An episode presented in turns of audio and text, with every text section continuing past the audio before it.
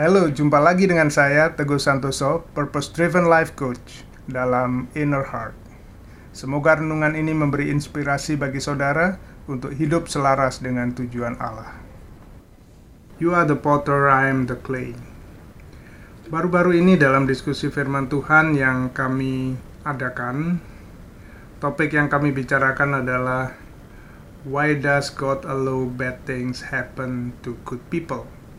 Mengapa Tuhan mengizinkan hal-hal buruk terjadi pada orang-orang baik? Ini menjadi pertanyaan banyak orang dan jawaban dari pertanyaan itu bermacam-macam. Bagi banyak orang pertanyaan itu adalah misteri. Kata Allah saja bagi banyak orang adalah misteri. Tetapi bagi kita orang percaya, Allah bukan sepenuhnya misteri. Ada hal-hal pasti tentang karakter Allah, sebab Ia menyatakannya di dalam Alkitab. Kita tahu karakter Allah yang kudus dan suci, Allah yang adil dan benar, Allah yang Maha Tahu, Allah yang penuh kasih dan penuh anugerah, dan semua karakter yang kita kenal melalui wahyu yang diberikan kepada kita di dalam Alkitab. Kembali pada pertanyaan awal, mengapa Allah mengizinkan hal buruk terjadi pada orang-orang baik? Jawaban yang saya berikan ialah mereka sedang dalam proses pembentukan Allah. Apa yang kita sebut buruk saat itu mungkin akan kita sebut baik pada saat yang lain ketika kita tahu apa alasan dibalik itu.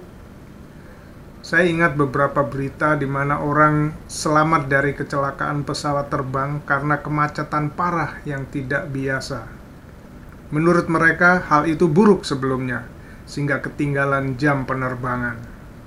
Tetapi setelah terjadi kecelakaan, mereka melihat itu sebagai kebaikan.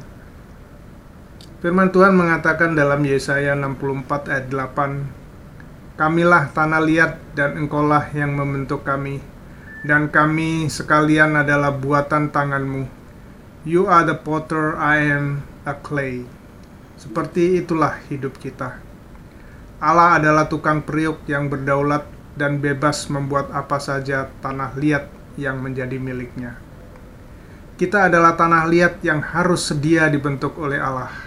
Sebelum tanah liat siap dibentuk, tanah itu harus dilembutkan dahulu, lalu dibentuk jika tidak sesuai dengan yang dirancang, akan dilembutkan lagi dan dibentuk lagi.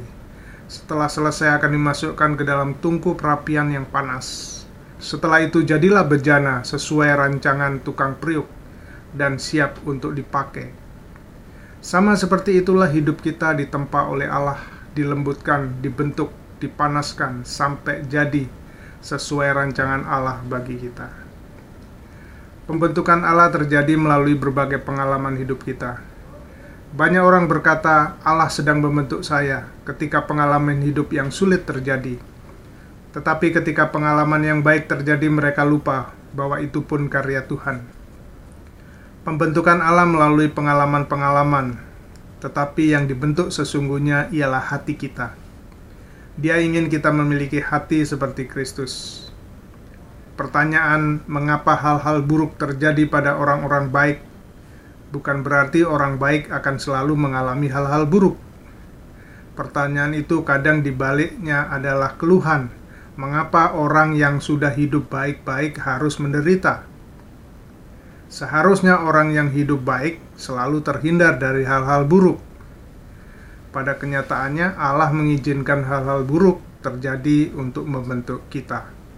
Roma 8 ayat 28 berkata, "Kita tahu sekarang bahwa Allah turut bekerja dalam segala sesuatu yang mendatangkan kebaikan bagi mereka yang mengasihi Dia, yaitu bagi mereka yang terpanggil sesuai dengan rencana Allah."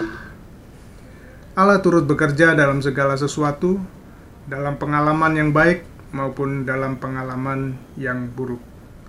Percayalah, Allah tetap memegang kendali dia selalu hadir walaupun kita tidak merasakannya. Dalam pengalaman buruk, Allah tetap harus menjadi pengharapan kita. Ayo terus berubah dan bertumbuh, saudaraku. Jika renungan ini bermanfaat bagi saudara, bagikan kepada orang lain. Sampai jumpa besok. Tuhan memberkati saudara.